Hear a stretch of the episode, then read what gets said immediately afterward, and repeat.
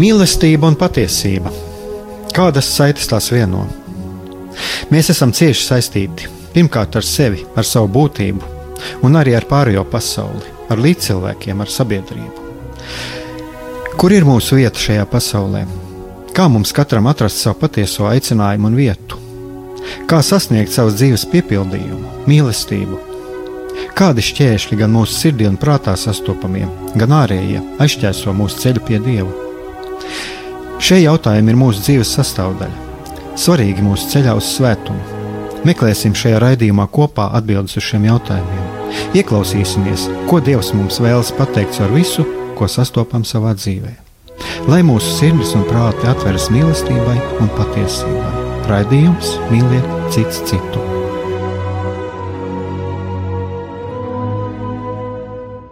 Lai top slavēts Jēzus Kristus, esiet sveicināti, darbie radioklausītāji! Šis ir raidījums Mīlēt citu citu. Studijā esmu es Aigars Brikmanis un mūsu viesis šodien ir profesore Māja Kūle. Labdien! Un profesori jau pie mums šeit ir viesojusies, un es domāju, ka mūsu šodienas sarunas temats uh, turpinās to, ko mēs sākām pirms, mēne, pirms dažiem mēnešiem. Uh, bet eh, tas tomēr arī tajā pašā laikā, es domāju, ir turpinājums tam, ko mēs esam sākuši. Par eh, šis temats par Eiropas Savienību, par identitāti, par mūsu identitāti, latviešu identitāti, kristiešu identitāti Latvijā, Eiropas Savienībā, eh, pasaulē. Un 9. oktobrī Šeit pat Rīgā kafejnīcā Nice Place notika tāda e, izdevniecības mieram tuvu rīkota konference kļūt par Eiropieti, kļūt par Šumani. E, un šajā konferencē bija uzaicināta arī profesora Māja Kūle. E, kāds jums bija iespējas par šo konferenci? Nu, pirmais iespējas bija tāds, ka Latvijā tiek publicētas un tulkotas ļoti labas grāmatas, vajadzīgas grāmatas, un viena no tām ir Renē Ležēns, uh, tulkot no franču valodas, Roberts Šumanis, Eiropas tēvs politika kā svētuma ceļš. Un šī konference vai apspriede, vai, nu, kā var teikt, vakara saruna kopā ar, ar publiku, ar klausītājiem, kas arī, starp citu, jautāja un, un dalījās pārdomās, bija viens no tādiem. Nu, es gribu teikt, nevis grāmatas, tieši reklāmas pasākumiem, jo reklāma jau mums ir vis, visapkārt un, un ļoti daudz un pārāk daudz. Bet no vērtību iztaujāšanas, no vērtību apliecināšanas pasākumiem.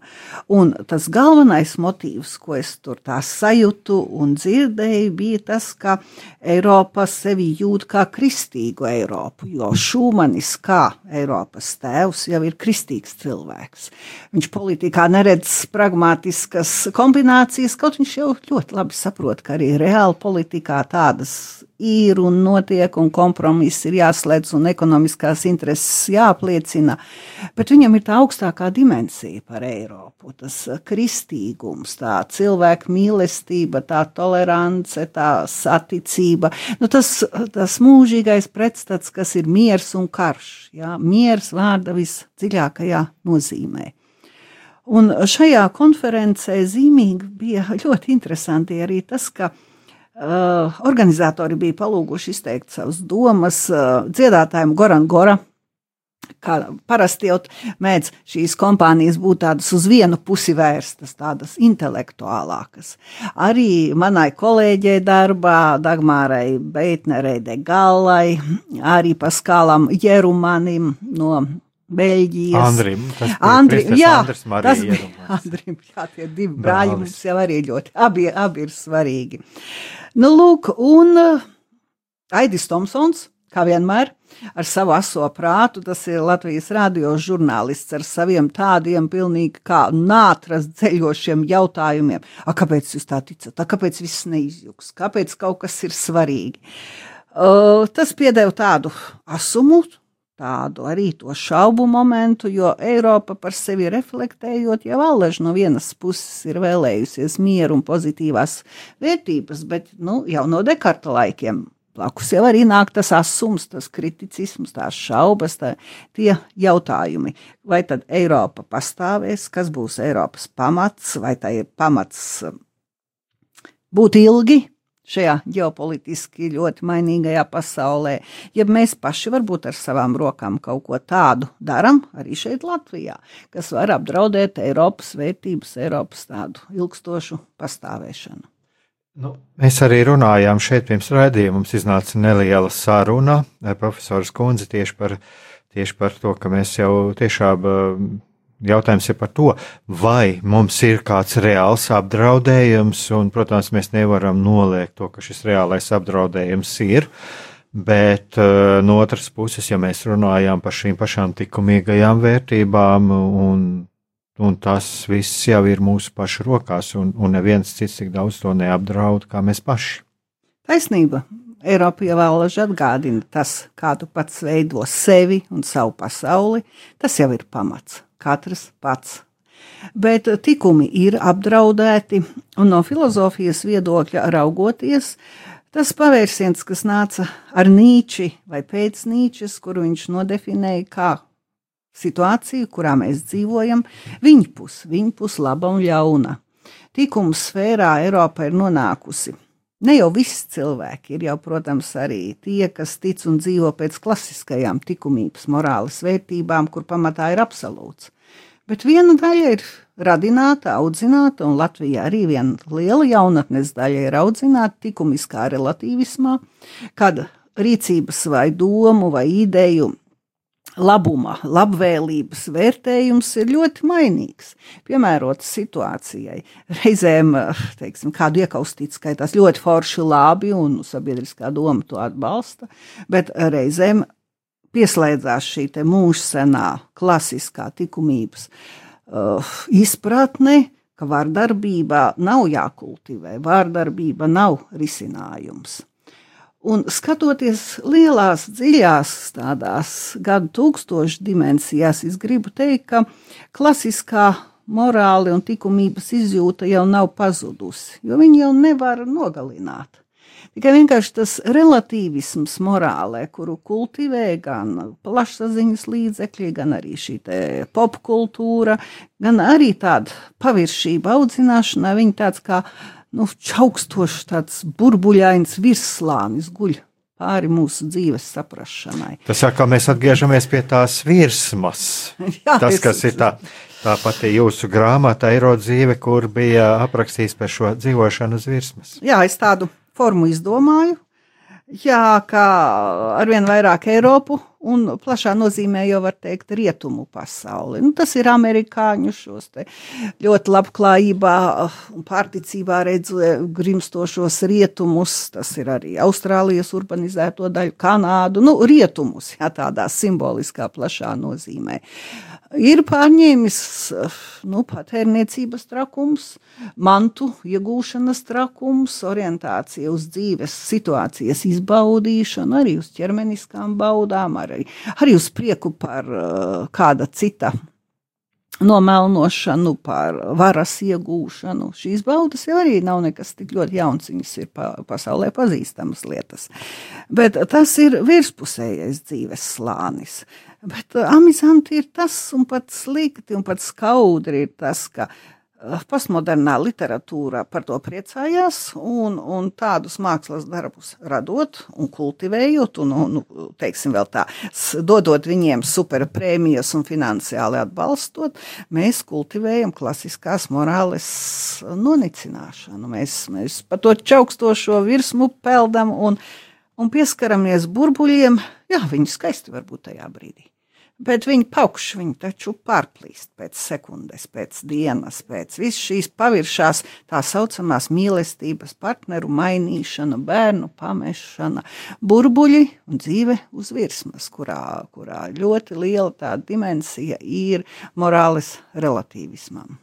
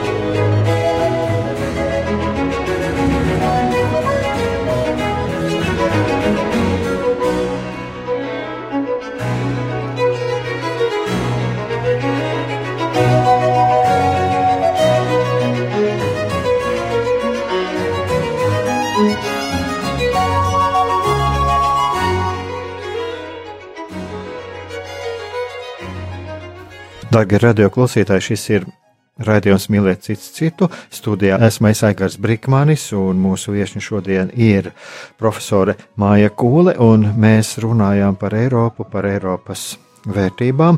Un, un atgādināšu arī to, ka šā gada 9. oktobrī Rīgā kafejnīcā Nice Place bija konference, izdevniecības mieram tuvu rīkota konference Kļūt par Eiropieti, kļūt par Šūmani, kur bija uzaicināta arī profesore Māja Kūle. Un mēs tikko pirms muzikālās pauzes runājām nu, jau tā pareizi teikt par šo vērtību krīzi, par to, kā dzīvo šīs čaukstīgās, nestabilās virsmas lielais sabiedrības. Un eh, man uzreiz nāca prātā tas, ko es esmu pats gan pieredzējis, gan, gan arī dzirdējis, saskaroties eh, ar cilvēkiem, arī ar profesionāļiem, kuriem vajadzētu cilvēkiem palīdzēt. Un eh, šeit es atgriežos pie psiholoģijas. Psiholoģija ļoti laba lieta. Es esmu arī šeit runājis ar kristīgiem psihologiem. Es arī pašam nākas sadarboties reizēm. Un, eh, bet eh, man nāk prātā šis egoisms, kas var arī šie egoistiskie, manā skatījumā, psihologa padomi, tas neatiecās uz, uz tiem psihologiem, kas šeit nāk, ja, bet vispār, vispār pasaulē, arī Latvijā. Uh, viens gadījums vienā no krāsainajiem žurnāliem tiek aprakstītas situācijas par tā sauktajiem sānsoņiem laulībā. Nu, mēs tikko arī runājām par šo laulāto pamešanu un bērnu pamešanu.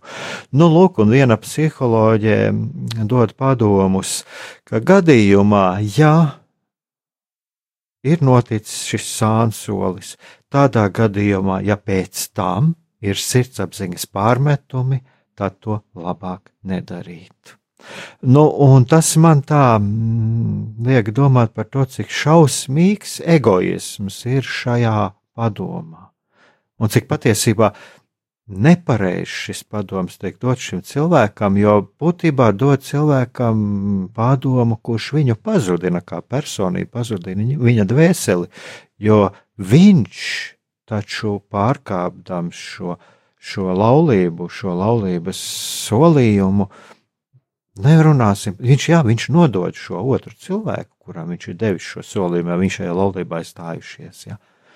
Bet pats galvenais ir nevis tas, ka cilvēks ir lauzis kaut ko, bet pats galvenais, lai viņam nebūtu sirdsapziņas pārmetuma. Un, un tas man tā doma ir par to, cik liels, briesmīgs egoisms var būt, eh, kas šķietami liekas, neviens taču netiek nosists. Nē, nu, nosists tiek gan garīgi. Es domāju, ka tas ir trauma. Bet es kaut ko citu šeit stāstā dzirdēju, kad jūs teicāt sirdsapziņas pārmetumi, man, man likās tajā brīdī, vai dieniņa, bet tas taču ir kaut kāds pluss, ja vispār koncepts vārds, tas apjēgums sirdsapziņa tiek minēts, jo tajā dzīvē burbuļainājā uz virsmas ļoti bieži vispār nav tādas lietas, viņa neskan. Viņa, viņa arī netiek mācīta. Nu, tagad skolās um, it kā taisās pāriet uz kompetenci izglītību. Man personīgi nesevišķi skaidrs to, kas kompetenci ziņā ir ticis darīts, to es varu visu iedomāties un arī tā kā zinu, kas tur jauns, visi barā pagalmā pulcēsies ap mobīlajiem telefoniem, nu vēl dīvaināk. Bet viena no kompetencēm, nu ja šito štampa vārdu var, var minēt. Viena no kompetencēm ir, ir spēja runāt ar savu sirdsapziņu, ieklausīties. Tas jau arī ir audzināšanas jautājums. Tajā piemērā, ko jūs teicāt, izskan tas, jā, ka psihologi ir pārmoderni, Tā man liekas no malas. Mēs pat kādreiz filozofi esam smējušies, nu tad, kad bija ļoti populāras šīs programmas, ka tur jau lielākoties, nu es atvainojos, lielākoties stājas tie, kas paši grib sevi sakārtot psiholoģiski, kam ir psihotraumas un, un netik bieži ar mērķi palīdzēt citiem, palīdzēt sabiedrībai vai citam individam, kas tad nāks un, un lūgs to to palīdzību. Bet nu, katrā nozarē jau cilvēki ir dažādi kā speciālisti. Kāds strādā tikai sev, savai naudai un labumam, un ir jau arī altruistiski cilvēki, kas labi māca savu, savu darbu. Bet runājot par egoismu, tas tiešām mūsdienu sabiedrībā ir, ir ļoti izplatījies pat pārāk izplatījies, un jums taisnība. Daudz žurnāli to kultivē kā tādu pašvaronību, paša spēku, paša tādu izcilību. Ja, ja es man, es sasniegšu. Tad, kad Roberts Šumanis atgriežoties pie šīs uh, tulkotās grāmatas, ir sācis uh, darboties katoļu aprindās, viņš bija no Elzas Lotringijas. Viņš bija jauniņš sākumā. Nu, pabeidzis skolu, bet tad, kad viņam bija 27 gadi, tad viņam lūdza uzstāties Katoļu tautas apvienības kopsapulcē. Un kā jau parasti jauniem cilvēkiem ir nu, sākumā bez pieredzes grūti izdomāt, kā lai uzrunātu tos, kas ir atnākuši, nu, kur tad būs tās svētā vēsts vai, vai vērtības, nu, ko lai pasaka. Un, un jau to laiku Tolaik, 20. gados, viņš saka, lai stātos pretī sīvās konkurences radītajam individuālismam, kas raksturīgs industriālai civilizācijai. Ir jāizglīto cilvēki, jāizglīto tauta, jo pretējā gadījumā tā tiks pamesta brutāla egoisma varā. Mēs kopš tā laika esam jau piedzīvojuši vai 80 gadus, ja tas ir trīs pauģu nomaiņas. Mēs arī tagad, jā, mainot sociālisko iekārtu uz kapitālismu, esam nonākuši šajā postindustriālajā civilizācijā, par ko min Šūmanis. Un esam, esam piedzīvojuši tagad, esam pieredzējuši brutālu egoisma varu. Atkal, ko darīt, kā salikt akcentus. Man jau tā kā strādājot universitātē un esot allaši saistītai ar, ar jaunatni, ar studējošajiem un arī ar, tad, kad mani bērni, mani divi dēli auga, man allaži licies, cik milzīga nozīme ir audzināšanai. Un ne tikai tām audzināšanas klasēm, kuras skolotājs 45 minūtēs noskaita kaut ko, es nezinu, no valsts satversmes vai no ko nu tur dara, bet katra mirkļa audzināšanai, kas ir bērnu dārzā, ja, šai empātijai, šai egoisma ierobežošanai. Jo cilvēks maziņš, kad viņš piedzimst, mēs jau bērneļos to redzam. Viņš jau tās mantas velk uz sevi. Nu, tas ir savā ziņā arī tādas materiālas izdzīvošanas instinkts, nu, par sevi parūpēties. Tas jau arī savā bet, ziņā tas ir vajadzīgs, bet viņam, prot, ir. Jā, bet viņam ir. Cilvēks jau vairāk pieaug, jo viņam ir vairāk jāsaprot to. Viņam ir robežas, jo sabiedrība kopiena, ja pat valsts, pat arī kādas nozares specializācijas. Tas jau var būt stipras tikai pārvarot šo ierobežojošo individuālismu, pārvarot brutālo egoismu. Bet mūsu žurnālistika, mūsu presse, sevišķi šī laicīgā, bilžu pilnā sekulārā presse, ir uh, pilna ar padomiem, kā kultivēt egoismu. Nu, mums ir brīva prese, taisnība, un ar brīvības, uh, nu, šo atļautības milzīgu aplampu mēs jau ļoti lepojamies. Un es jau negribu teikt, ka es gri, gribētu nebrīvu presi, bet es gribētu vairāk arī šīs audzināšanas izpratnes um, komunikācijas studijās, mēdīju studijās, lai arī tās nebūtu, tā skaitā mūsu universitātē, lai arī tās nebūtu tikai kā savienot faktus un ziņas ar kādas reklāmas ielikšanu, kādu virsrakstu uzbāzt, lai vairāk klikšķu un lasītāji ir, lai šajā mēdīju un komunikācijas mācībā būtu vairāk filozofijas, lai tajā būtu ētika, lai tajā būtu kultūras pamatvērtību kursi un sapratne jo daudzi studiju kursi ir pārgājuši uz praktiskumu, jā, uz prasmju ieaudzināšanu, bet prasmes visu laiku paspēlē pretī tam, kas jau notiek. Viņas jau neuzlabo, viņas vienkārši uztrenē kaut kādu ātrāku rīcību vai vairāk iegūtas naudas. Egoisms civilizācijās, kuras nav tik rietumnieciskas, ir mazākā mērā es jau negribu pēkšņi atteikties no tā eiropeiskā un sākt šeit runu par, par Āzijas kādas slavēšanu, bet mans, nu, Taivānā, Taipejas universitātēs es tur biju. Pirms kāda laika tāds, tāds novērojums. Āzijā cilvēki iet pusdienās, studenti, pasniedzēji universitāšu kampusos, un viņi iet kopā, kopā Uh, vispār jau viņiem ir pieņemts tādi lieli apaļi galdi. Mēs jau Rīgā arī to redzam Ķīnas, Ķīnas kafejnīcās, restorāniņos. Apaļi galdi, no kura ir kopu trauki un no kura paņem to daļiņu apēst, cik tu vari, cik tu gribi. Uh, nu, tāds vienkāršs sadzīvisks kultūras žests, ka jābūt kopā. Taipējā arī mēs tā katru reizi un katru starp brīdi gaidījām pārējos, tur tos draugus pasniedzējus, tur to studentu grupu. Un, un es tur biju vai pusotru mēnesi, un tiešām es jums teikšu, nevienu reizi. Nu, protams, vakarā, kad es esmu viesnīcā viena, tas jau ir mans eiropiskais dzīvesveids. Nevienu reizi es nepusdienoju, nebrokastoju viena. Nu, tā kā es aizietu, paņemu to buļciņu un, un viena pati apēstu. Ha, Latvijā, Latvijas universitātē un mūsu aprindās, ja mēs to tik vien darām, kā esam pa vienam. Nu, nevar jau mūs pēkšņi atkal pārmācīt un likt uh, dzīvot kā, kā ķīniešiem. Tas nav reāli un tas ir vienkārši cita, cita dzīve. Bet, ja mēs raugāmies uz senajām latviešu mājām, uz saimi, uz, uz to arī, ka saimnieks vai, vai tas mājas vecākais tētis vai vectēvs sāk to lūkšanu Cilvēks sēdēja ap galdu, bērni pirmie negrāba kaut ko, ne karotes, ne arī sev kādu daļu. Jā. Audzināšana, nu atkal var teikt, viņa bija patriarchāla, taisnība, mēs sakam, tā, tā nebija moderna, bet visi šādi žesti, tādi soļi parāda, kā modernā rietuma eiropeiskā civilizācija ir aizgājusi ar vien vairāk uz tādu šerpu individuālismu, šerpu egoismu.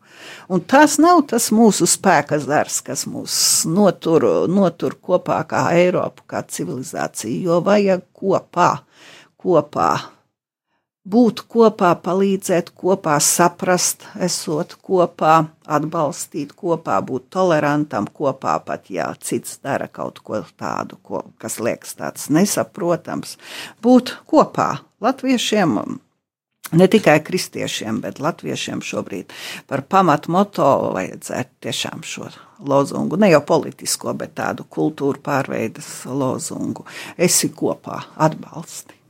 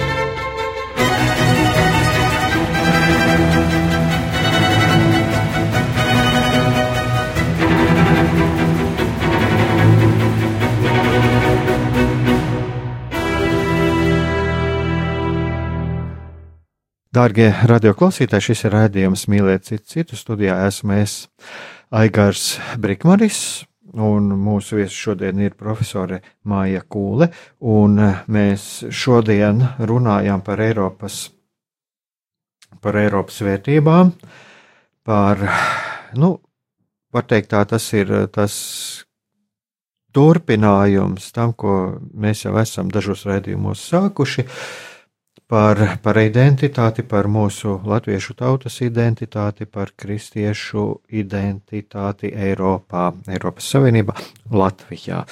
Un um, pirms muzikālās pauzes mēs runājam par to, cik ļoti svarīgi ir būt kopā. Un, un profesori arī stāstīja par savu pieredzi, kā ir dažās Āzijas valstīs, kur var redzēt, ka ir šī kopība, un, un ka mēs esam tādi nu, diezgan, diezgan individualistiski, vai, tas, vai es pareizi to teicu? Esam individualistiski. Nu, mēs jau sev tā kā par attaisnojumu stāstam, ka mēs, ka mēs nākam no viensētām. Jā, viensētās dzīvoja tāda ģimeņa kopas, ko ar kalpiem un ar meitām. Un, un mājas šķīra, ja ne, ja ne puskilometrs, tad daži kilometri. Uh, Bet mēs taču esam arī urbanizētā kultūra. Mums taču ir lielās pilsētas, mums ir varenā Rīga. Tāpēc attaisnoties tikai ar šo viensētu izjūtu un vilkt to uz 21. gadsimtu, nu man tas liekas pārspīlēti. Bet eh, kopā būšana jau ir jākopja. Atkal tas ir audzināšanas jautājums. Jo ir vajadzīga nu, kolektīvā izjūta. Tad, kad tiek pateikts presē vai, vai kaut kur uzrakstīts Latvijas tauta vai latviešu tauta, nu, nereti saceļās vesels iebildumu tā, tāds murskulis, jā, kā, kā var būt vārds tauta, jā, aizdomīgi. Šis vārds ir konceptuāli absolūti atzīstams. Tas, protams, nāk no vācu romantisma, no Herdera laikiem, bet mēs esam tauta.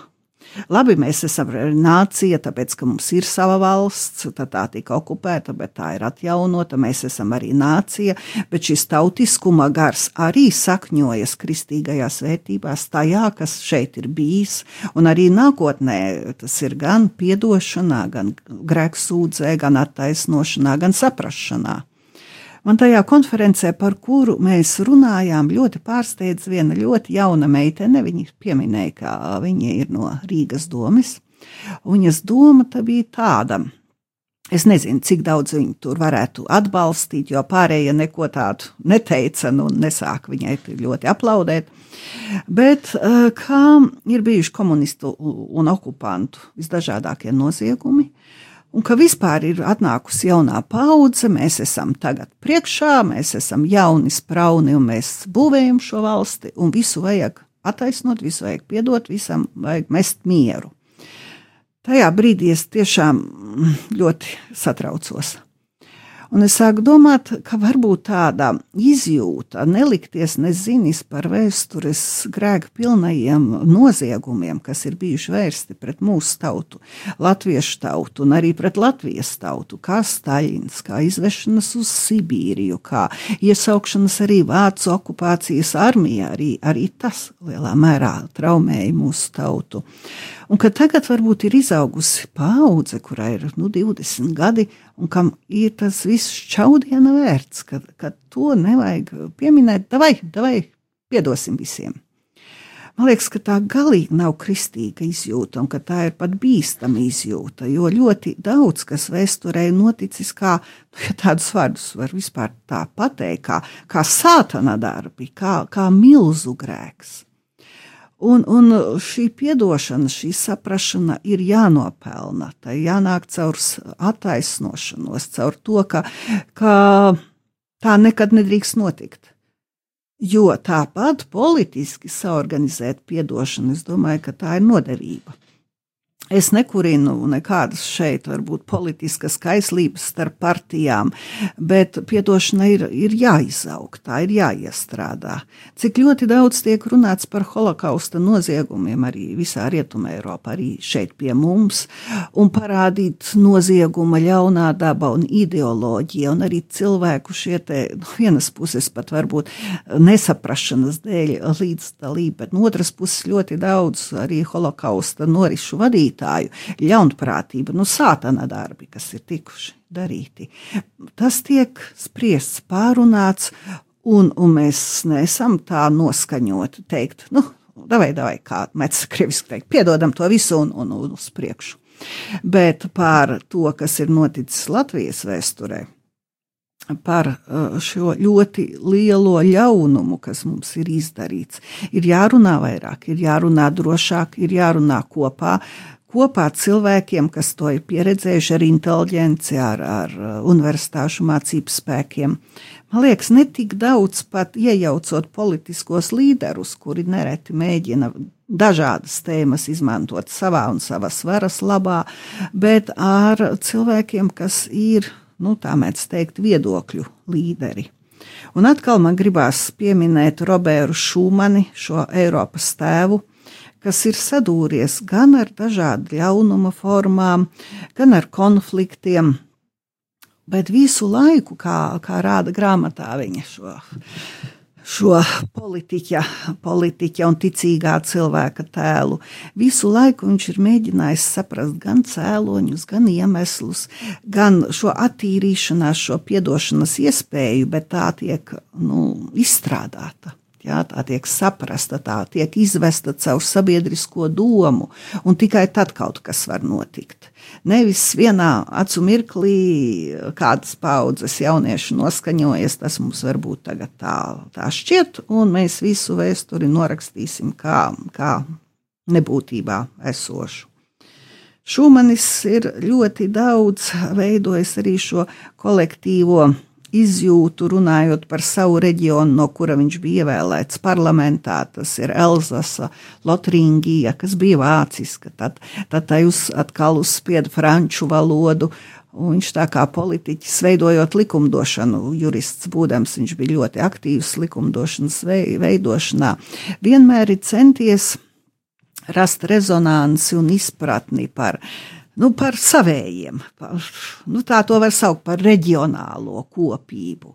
Tātad ne tikai Francija vai Vācija kā liela valstis, spēcīgas, eh, spēcīgas un nozīmīgas, bet arī par to ciemu, to pilsētu, to reģionu, to apvidu, kas ir iemests vēstures dažādos likteņa pavērsienos. Un salāgot to ar kopā būšanu, kas bija viņa iecerē lielajā apvienotajā Eiropā. Man liekas, ka viņam tajā brīdī arī ar savu personības šarmu ir bijuši tādi risinājumi, kuros mēs tagad neklausāmies īpaši, bet kad viņš saka, tas mazais, lokālais, kopīgais, tas nav pretrunā ar lielu apvienoto Eiropu.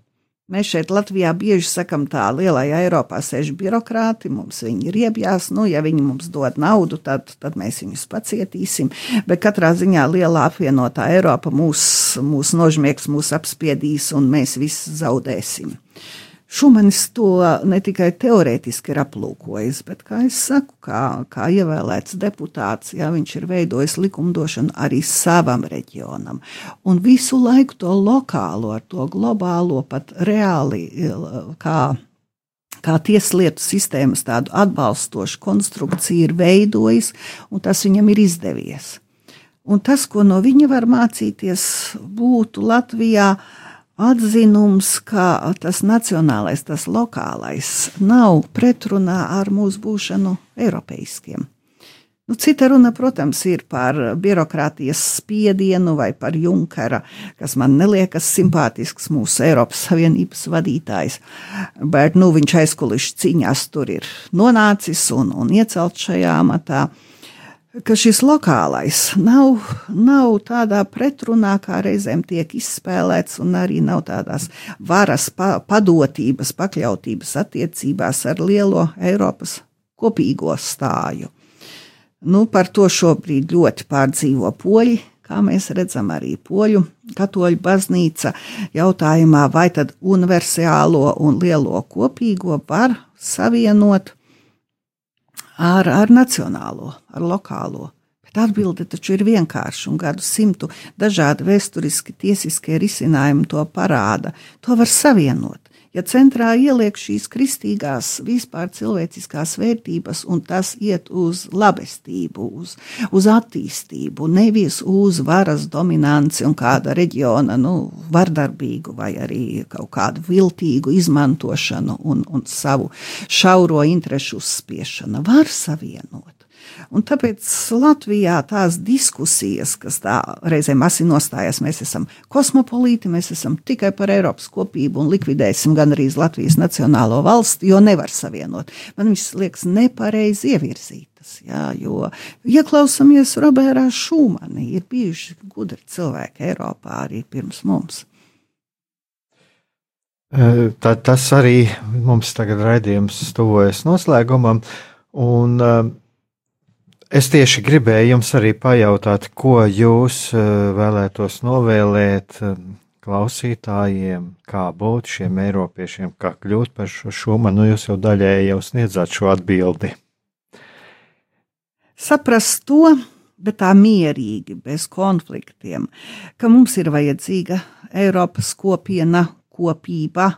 Šī forma var mainīties, Es negribētu, ka uh, tomēr būtu divu ātrumu Eiropa. Man liekas, tas vairāk ved uz postu uh, nekā uz uh, civilizācijas nu, attīstību, kopā būšanā.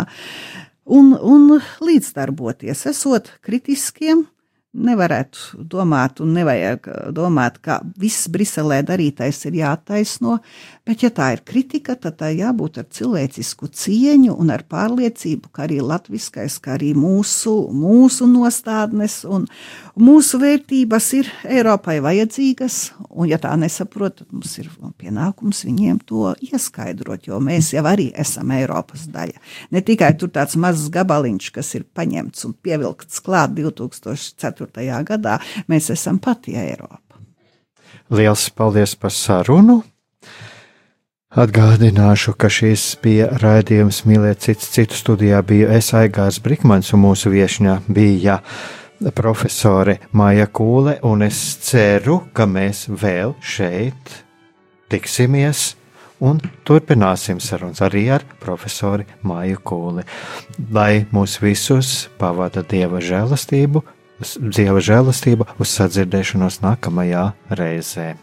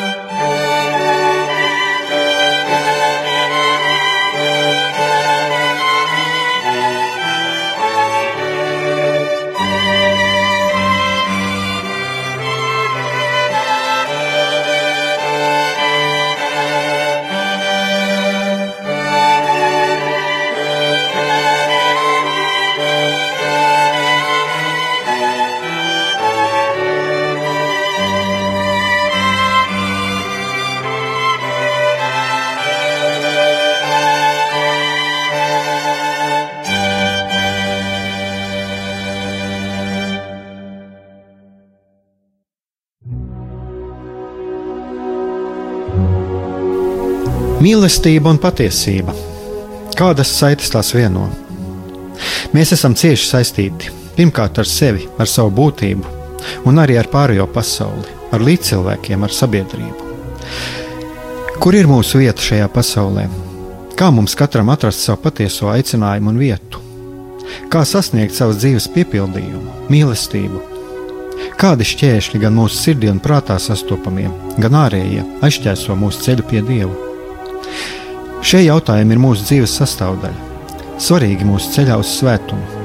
Meklēsim šajā raidījumā kopā atbildes uz šiem jautājumiem. Ieklausīsimies, ko Dievs mums vēlas pateikt ar visu, ko sastopam savā dzīvē.